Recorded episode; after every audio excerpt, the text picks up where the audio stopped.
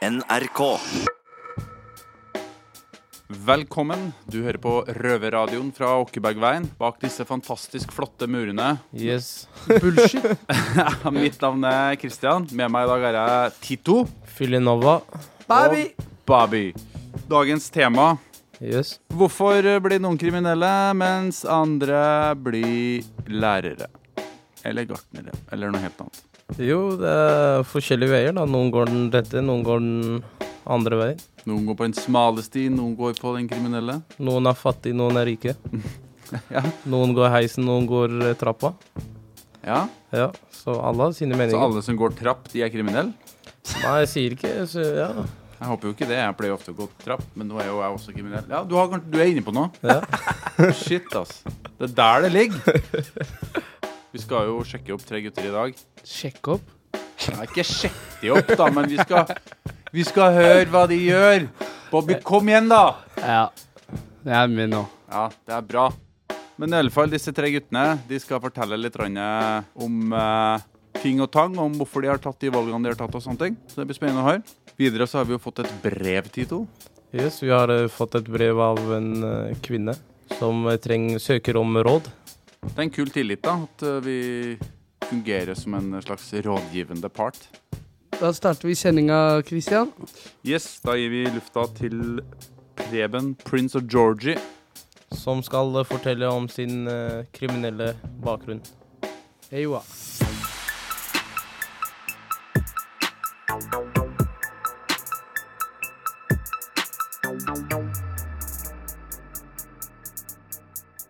Varför blev jag kriminell? Mitt navn er Georgie og ved siden av meg har jeg åter igjen Preben. Og Og prins. Og hvorfor ble du kriminell, Preben? Nei, jeg sklei ut av skolen. Jeg hadde ADHD. Jeg følte ikke jeg fikk nok oppmerksomhet. Jeg ble mobba når jeg hadde, fikk ADHD-diagnosen. Da ble jeg voldelig. Jeg ble kjent med eh, noen kriminelle. Syntes det var spennende. Gjøre litt kriminalitet. Innbrudd. Begynte å smugrøyke. Så du ble kriminell for at du, du, du søkte spenning? Søkte spenning. Og søkte høy status. Burde Borde det ikke ha funnes andre, andre sett å finne spenningen på? Du hadde kunnet kjøre cross eller... Nei, jeg hadde ikke noen far heller. Uh, ja, det var ikke så mye å finne på. Jeg spilte fotball og sånn, men Det, det var ikke tilrekkelig med action. nei. Ok. Prince, var Princey boy. Varför, Ja. varför, blev du, varför blev du kriminell? Likte å tøye strikken og sånn, da. Og lage mye kvalme. Jeg likte å erte folk. Så det førte til at jeg ble kasta ut av skolen og sendt på andre skoler. Og, Ja. og så utvikla det seg til at jeg likte spenning og fart. Og jeg likte det som ikke var lov til å gjøre. Ok. Og så begynte jeg å ruse meg og sånn, i veldig ung alder.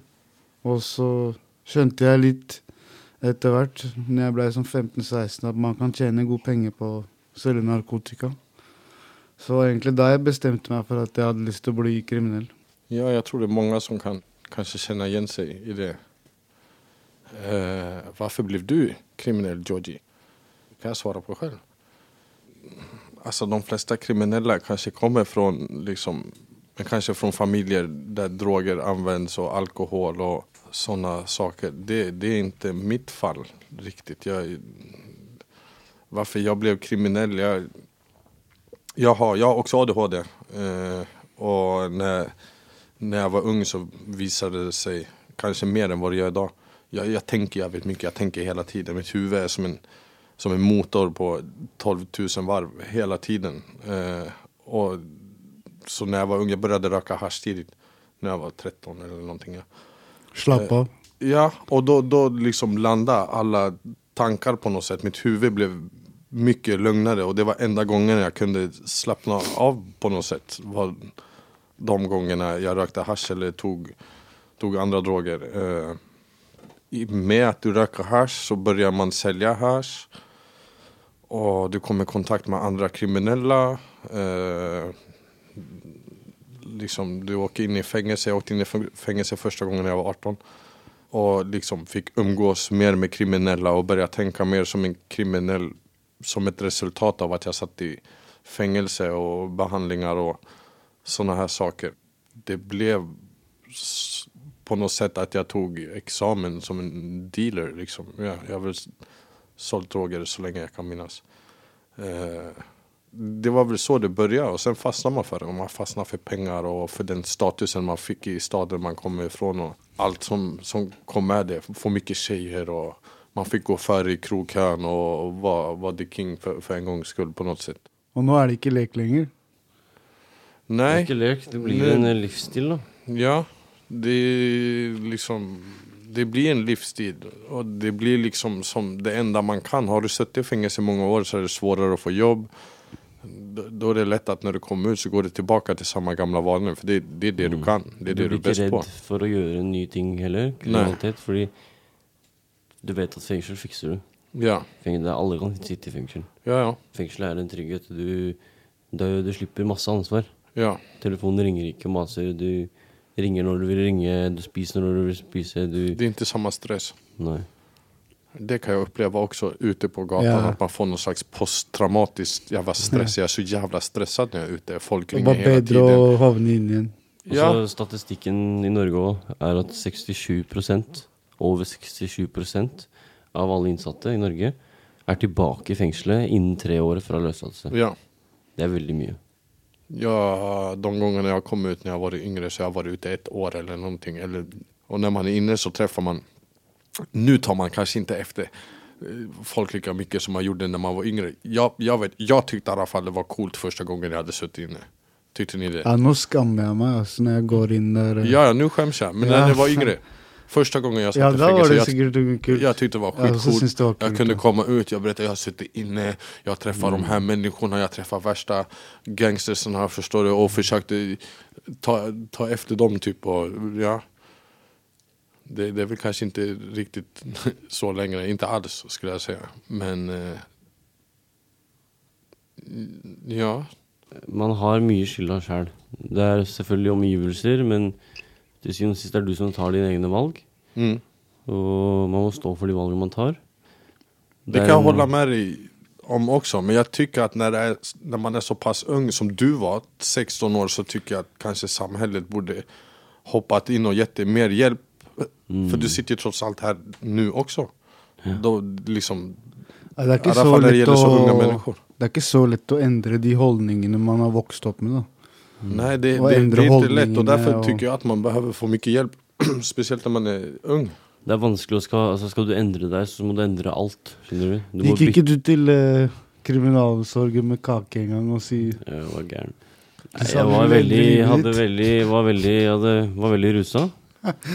Og så øh, var og skal handle noe kokain, og så var det ikke noe kokain. Så før jeg skulle dra hjem og hvile, så gikk jeg forbi friomsorgen, der du har meldeplikt. Ja. Uh, så jeg kjøpte en kake, Ja. varmet den opp på en kafé, og så gikk jeg opp der og skulle legge en plan, da. For nå skulle jeg skjerpe meg og legge en plan. Men jeg hadde vært våken i et par dager og spist noen øh, piller. Ja. Så jeg ble endt opp med at de beholdt kaka og kasta meg ut. De vil ikke hjelpe deg. Du kan ikke være rusa og skal legge en plan for livet ditt. ikke sant? Du var, Du du var ikke- mottagelig for Jeg hadde ikke huska den planen dagen etterpå. Nei. Du, du var ikke mottagelig Ja. för den informasjonen just da, kanskje. Men det ligger dypt inne at du vil endre deg. da. Jeg har et ønske om endring, øh, men jeg er veldig ambivalens. Øh, og det som jeg sa, jeg sa, skal du endre på deg sjøl, så er det ikke noe Du kan ikke ha én fot innenfor begge miljøer. Du må endre deg helt. Ja. 100 Og det er, det er en eh, forskning også som sier at eh, sant, du skal, du gjøre, For å endre en rutine, skal du få en ny rutine, så må du gjøre den du, du, må gjøre den tingen tusen ganger før det blir en rutine. Før det Ja. blir vanlig. Ikke sant? La oss si du knyter alltid høyre, nei, venstre skolisser først. da Så Skal du begynne med høyre, så må du gjøre det tusen ganger før det blir en vane, vane uten at du tenker på at det er det du må gjøre. Ja. Skjønner du? I see your point. Og så lønner det seg å flytte hvis du skal endre deg. Fordi da, hvis du flytter, så er det ikke Altså hvis, du, hvis jeg fortsatt er i Oslo, så kommer jeg alltid til å møte på folk fra miljøet. Ja. De drar deg. De vil ha deg med. Men er du på et nytt sted, så kan du ikke skylde på andre enn deg sjæl hvis det går gærent, for da må du selv oppsøke miljøet, da. Ja. Skjønner du hva jeg mener? Planen din er å flytte, eller? Jeg skal flytte til Sørlandet. Mm. Jeg fikk en, en litt annen motivasjon i livet i fjor sommer. Jeg fikk vite at jeg har et barn, ikke sant. ja, Uh, så for min del, det har blitt en veldig stor motivasjon. det forstår jeg. Uh, nå går ikke mine Altså mine handlinger nå går ikke bare utover meg sjøl. Det går alltid gått utover familien, men nå går det liksom utover Barnet også. en liten gutt som vokser opp, ikke sant. Som Ja. trenger en far. I fall at man ikke kommer liksom fra et sånt hjem der det kanskje ikke er like stabilt og man kommer på behandlinger tidlig og, og sånt, hva, hva er det som gjør at ikke, at ikke de lykkes endre på det? Faren min også var en eh, stabil, eh, stabil mann. Og, men eh, han var alenefar og jobba åtte til fire. Og så når han kom hjem, så likte jeg å tøye strikken og erte, og, som jeg sa i stad. Så han tok eh, tillit til barnevernet da, og sa at det her går ikke. Så han tok liksom tillit til barnevernet om at jeg skulle sendes bort. da. Og det er jo ikke hans feil, det er jo bare at han hadde tillit til barnevernet. Så var det egentlig opp til barnevernet hvordan jeg skulle ha det, da, omgivelsene. Men jeg ble sendt til noe som heter ungdomspsykiatrisk behandlingshjem. Der var det ungdom opp til 18 år. Jeg var 13 år. Og jeg hadde ikke noe rusproblem. Jeg visste ikke hva hasj Jeg visste jo ikke hva Røyka ikke sigg. Jeg gjorde ikke sånne ting. Men så kom jeg dit, og så ser jeg ungdom som er 18-17. Og det er veldig lett å se opp til folk når man er yngre. Og de røyka jo hasj og Ja. gjorde litt eh, verre ting enn det jeg gjorde, da. Så det gikk veldig fort i, Så jeg begynte liksom å ruse meg og røyke hasj der og gjøre det samme som de eldre, da. Så det var liksom ikke så veldig bra opplegg, da, men eh, Så Det var det som skjedde i mitt tilfelle. Du lærte deg ut av de som var der og var verre. Som, det er jo egentlig mitt eget valg alt jeg ville, men jeg føler jeg var litt for ung til å ta de valgene selv, da. Det- Så når jeg tenker tilbake nå. Ja. Så det var basically, basically det som skjedde. Ja. Det, det var litt det samme. Først, jeg var på en behandling da jeg var 16 första gången. Eh, och det, det var väl typ samma sak som, som du berättade, tror jag. Jag träffade en massa äldre, äldre människor och tog efter vad de Mm. berättade om och, eh, och gjorde. Pene jenter som er eldre enn deg, som Mm. ruser Ja. Det Ja. blir det blir lett å liksom ha i den samme suppa. ja, och du vill imponera på dem också, såklart. Jeg ble sendt til fosterhjem da jeg var 13. Men uh, det var egentlig helt greit fosterhjem. Men eh, jeg hadde en fostermor som var litt gæren. Kalte meg ofte drittunge når jeg gjorde ting som var gærent. Når jeg rømte Plutselig så bestemte de seg for, å, for å, at jeg ikke skulle gå så mye ut og røyke hasj. Så sa de at jeg kunne heller være hjemme og få et glass rødvin. Så jeg begynte jo å bli skjenket med alkohol da jeg var 14. ikke sant? Ja. av mine fosterforeldre. Uh, ja, dagen i dag er jeg alkoholiker. Det er det som er min rus ute. Uh, og så husker jeg på barneskolen, det var også litt av grunnen til at jeg falt ut, var at jeg har hatt en far som har vært veldig, veldig kjent i media for Ja. kriminalitet. Og for å være tilhørt en gjeng før. Jeg husker foreldrene til de andre barna. De ville ikke at barna dem skulle henge med meg. Så du ble Far, du som ble... far som sønn, tenkte, tenkte dem. ikke sant? Ja, ja, du, du ble stämplad på grund av, Ja. på grund Det er dårlig å stemple liksom. Ja, Men jeg hadde noen venner, men de, de sa jo ikke til foreldrene sine at jeg, vi er med Preben. Jeg hadde to-tre venner som var ordentlige venner, men som de sa jo ikke fra. De, okay. Men når foreldrene fikk vite at de var med meg, så hvis de så de var med meg, så fikk de kjeft. Så Ja. turte de ikke å være med meg på en stund, skjønner du. Ja. Veldig dårlig, Det var veldig dårlig holdning fra foreldre. da. Det ble tatt opp på foreldremøte, hvem faren min var, sånne ting. Nei da, det er også fosterhjem. Eh, fosterhjemmet var ikke så veldig bra, men uh, greit nok. To år der, og så har jeg vært på masse institusjoner.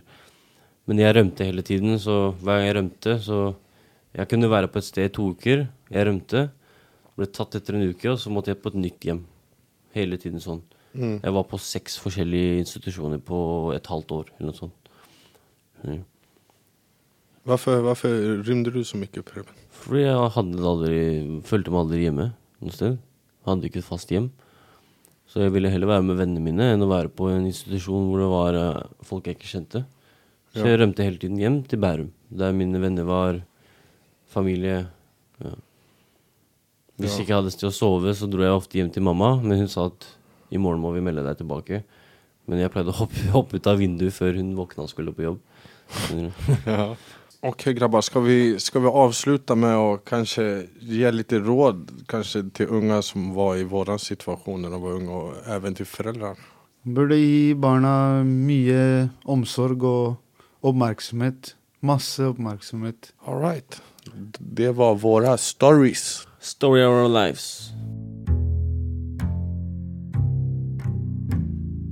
Innsatte i norske fengsler lager radio. Du hører Røverradioen i NRK P2.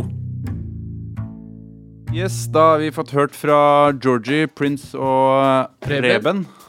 Disse sterke historiene til de gutta der om eh, oppvekst, livet, krim, egentlig alt. Jeg vet ikke, Tito, er det noe du kjente deg igjen i? Nei, ikke så mye, men uh, droppe skole, det kjente jeg meg inn i. Ja. Så det traff meg. Men uh, ellers så bare syns jeg at det var eh, jævlig bra at de forteller. Ja.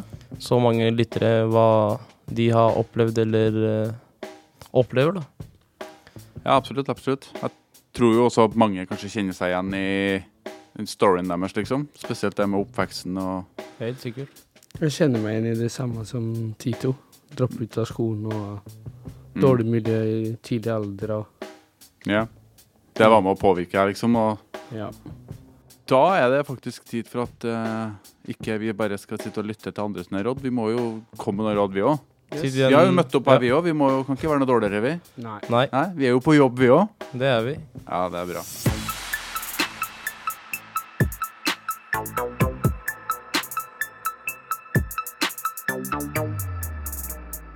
Da har vi fått et brev fra en av våre faste lyttere Yes. som har et problem, et lite spørsmål, som Ja. vi ønsker å få litt hjelp til. Mm. Fra oss. Vi er jo eksperter.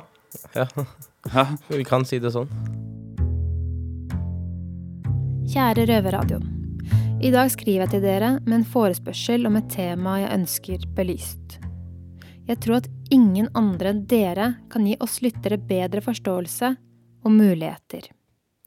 Uten å gå for mye inn i detaljer, så handler det om en gutt som nylig ble 13 år, som nå er plassert på en akutt institusjon av barnevernet. Han skyver bort alt og alle og gjør som han vil. Utrolig nok har gutten friere tøyler på institusjonen, omringet av eldre og i hans øyne kule institusjonsungdommer. Institusjonen kan tydeligvis ikke holde han tilbake, og han skal blant annet ha vandret i sentrum med en 16 år gammel gutt fra samme institusjon til klokka tre på natta. Dere ser hvilken vei dette går. Jeg vet at jeg og min familie ikke er de eneste som sitter hjemme og er redd for et barn som blir kasta rundt i systemet. Jeg jobber i et team med psykologer og andre spesialister, men når alt kommer til alt, sitter jeg igjen og tenker at det kun er dere som kan veilede oss best. Har dere noen råd? Hilsen fast lytter. Der skal vi selvfølgelig prøve å få til. Fikser noe. Ja, vi håper det. Mitt Ja. navn er iallfall Kristian. Med meg er jeg en ekstra trønder. Bobby. Bobby. Og Tito. Som alltid, mann. Hva tenker du, Bobby?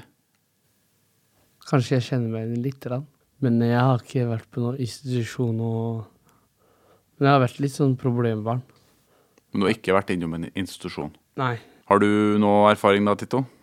Ikke med institusjon, men jeg har eh, vært i den duren. Men eh, foreldrene mine hadde kontroll på meg. Så har jeg jo mange eldre søsken. Så jeg, hadde, eh, jeg var kontrollert, så jeg gikk ikke på de spora han er på, da. Jeg har jo ikke noe erfaring heller med institusjon og sånne ting, men å være en ung rebell, det kan man jo alltid kjenne seg igjen i. Mm. Og det er jo mange på den alderen som er litt sånn i opposisjon, da. Vil krangle litt og være litt vanskelig, men eh, her har det jo gått ganske langt, siden eh, gutten er på en akutt institusjon. Mm. Jeg skal ikke si at han kanskje ikke får noe ut av det, det vet jo ikke vi noe om, så det kan ikke vi egentlig uttale oss noe om.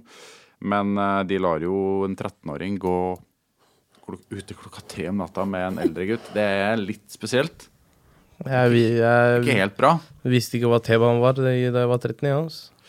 Nei, Og jeg vet, vi vet jo ikke hvor det kiden her kommer fra. Så det kan jo være at de bor på et eh, ganske lite sted, og at eh, sentrum av byen er, er rolig og fredelig klokka tre om natta. Det vet vi jo ikke, men hvis det er på Østlandet, så er det jo ikke et sted å være for en uh, gutt som det her klokka tre om natta. Mm. Hva, med, hva, altså, hva, hva, hva kan vi best gjøre for, for den familien her, og eventuelt andre lyttere som er i samme situasjon? Og det er jo fryktelig vanskelig. For det første jeg tenker på, er jo det Scared Straight, det programmet fra USA, der kiden blir sånne barn da, som er litt i den uh, duren her, Ja. havner i fengsel en dag eller to dager eller noe sånt, der de får sett litt på hva livet i fengselet faktisk har å by på. Mm. Se om det er noe å, å, å, å gjeve etter. Tror du det hadde hjulpet deg, Bobby? Du var, når du var 13-14-15 år og måtte Ja, det tror jeg faktisk. blitt kasta inn her og blitt, Ja, jeg tror det faktisk. blitt ropa til av uh, større, eldre kriminelle? Som, Fordi første gang jeg gjorde noe og ble arrestert, så visste ikke jeg egentlig konsekvensene. mm, Jeg bare gjorde det, og så kom konsekvensene etterpå, da. mm, Og da når jeg ble putta inn i fengsel, så var det sånn at jeg angra og ja. tenkte på familien og Mm. Fikk litt inntrykk av at han syntes det, det var litt, eh, litt kult å være på denne institusjonen, fordi mor beskriver at han så litt opp til de eldre gutta på der, da. Mm. Jeg tror ikke, for det, det tror jeg er problemet. Jeg tror ikke de kidsen skjønner hva et fengsel er for noen ting. Du skal sitte innelåst på cella di i 22, 23, kanskje 24 timer av døgnet i månedsvis. Der kan du ikke tøffe deg for noen. Det er ingen som syns du er kul. Du imponerer absolutt ingen når du går inn til den eh, røde, flotte, fine joggedressen din som du får utlevert av fengselet, som Mm. hundrevis av mennesker har brukt før deg. Oh, ja. Det beste er at uh, en som har vært gjennom det livet, snakker med han, da. Det er det jeg også tenker. At han må trenger han. En Ja, han trenger noen da for å finne seg noen andre ting å bli glad i, for i dag så er han tydeligvis glad i eh, sånn krimislivet, da, eller i hvert fall eh, den, den veien å gå, da. Så jeg tror denne gutten her må få seg litt nye forbilder.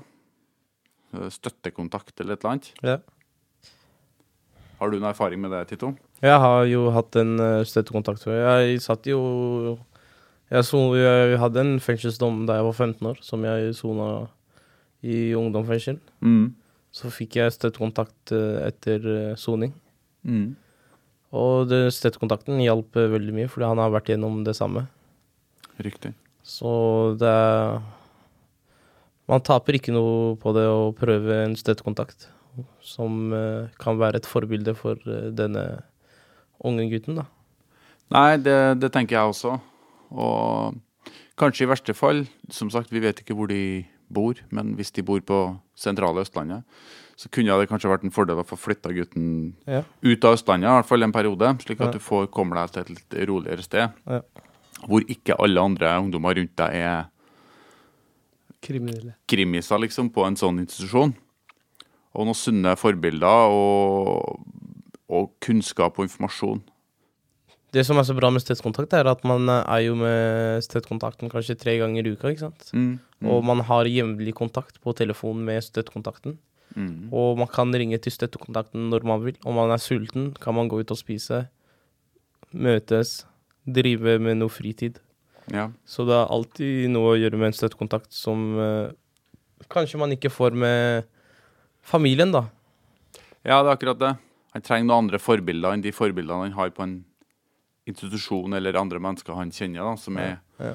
kriminelle i dag. Han trenger kanskje en tidligere kriminell som kan forklare og vise hva det livet her eventuelt ender på. Da.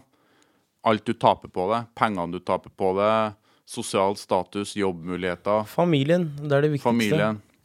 Det er, du, ta- du taper tid. Liksom. Masse, fe masse land du ikke kan reise til. Det, altså, det er masse skit da, som følger med. Mm. Og ingenting av det gir deg noe status. Du får ikke status av å være kriminell. Mm. Mitt siste råd, nettverk etter soning. Helt riktig. Ta kontakt med, med de. Både den mora her og eventuelle andre. Det er Røde Kors som driver det. Så søker du på nett på etter nettverk etter soning. Så får du opp noe kontaktinformasjon. Her på Østlandet så er også Røverradioen i samme lokale som de, så det er mulig å sende spørsmål der, og så kan ting bli videreformidla. Der er det muligheter for uh, foreldre i en sånn utsatt gruppe, eller eventuelle utsatte kids, da. Mm. Å komme i kontakt med støttekontakter eller andre som har erfaring med krimlivet. Ja, det er mange muligheter, men man prøver en av dem bør funke. Jeg tror det er veien å gå, så jeg håper at uh, det går bra med de, og at vi får et uh, brev tilbake igjen uh, med noen oppdateringer på hvordan det går. Så krysser jeg fingrene for at det går bra med mor og med sønn, og hele familien for så vidt. Vi håper det.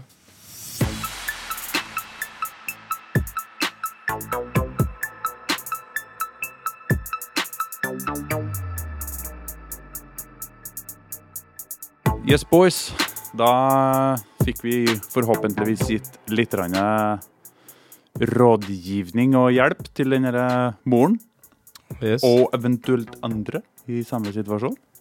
Alle lytterne. Kan jo være mange i den situasjonen der, for alt vi vet, som velger å lytte til Røverradioen nettopp pga. at de kan få gode råd. Mm. Eh, hva er det viktigste for å unngå at unge havner i krim, Tito? Hva syns du? Det er å ta det Hva er én viktig ting, liksom? En viktig ting det er å ta, ta, ta, tak i det før eh, det ikke går an å redde det. Mm. Start tidlig, liksom? Start tidlig. Ja. Hva mener du, Bobby? Hvis du skal si én ting som du mener er en av de viktigste tingene for å unngå at unge havner i krim? Ungdomsklubb. Ungdomsklubb, ja. Men altså. Fritidstilbud, ungdomsklubb og sånne ting? Ja. ja. Jeg tror jeg må si meg enig der. Mm. Yes. Uh, boys, vi er jo ved veis ende her. Ja. Så jeg vet ikke, Bobby, hva skal du på cella i dag? Jeg skal ta noen pushups, og så skal jeg sove litt. Ja, det tror jeg det er bra, for du har gjespa i hele dag. Så jeg tror du trenger å sove litt, så det tror jeg er ganske fornuftig. Ja. Når kan du øh, høre oss? Når og hvor, Tito? Alle lytterne kan høre oss på P2 halv fire og på podkast når du vil, hvor du vil. Hvilken dag kan du høre oss? Lørdag. Lørdag. Lørdag. De veit, mann. Halv fire. Det Vet, man. Ciao, Bella.